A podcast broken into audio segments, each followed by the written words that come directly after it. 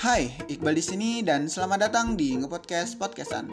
Sebagaimana yang gue sebutin di trailer, kalau gue gua membuat podcast ini untuk menyalurkan keresahan-keresahan gue.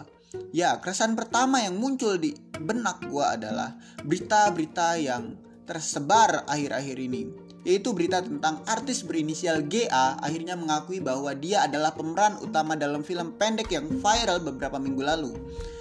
Pertanyaannya adalah apa pentingnya kita tahu berita tersebut? Apakah akan muncul konspirasi baru bahwa berita itu adalah pengalihan isu? Ya, pengalihan isu. Sebagaimana yang kita tahu, sebelumnya ada berita yang lebih penting lagi tentang pelanggaran HAM. Gue nggak mau nyebutin berita itu apa, tapi yang jelas konspirasi bukanlah sebuah teori. Konspirasi hanyalah sebuah asumsi yang di dalamnya mengandung unsur cocok cocokologi peristiwa saat ini dengan peristiwa sebelumnya dan peristiwa saat ini dengan peristiwa setelahnya. Dan dengan banyaknya konspirasi yang muncul, positifnya adalah semakin banyak pula orang-orang yang berani mengkritisi sesuatu. Dan apakah dengan menyebarkan konspirasi dianggap pelanggar UU ITE?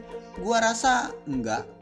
Tapi yang jelas, kalau lu sampai ditangkap karena lu membuat konspirasi atau setuju dengan konspirasi, yang nangkep lu itu nggak tahu apa itu konspirasi dan sudah pasti dia itu bodoh.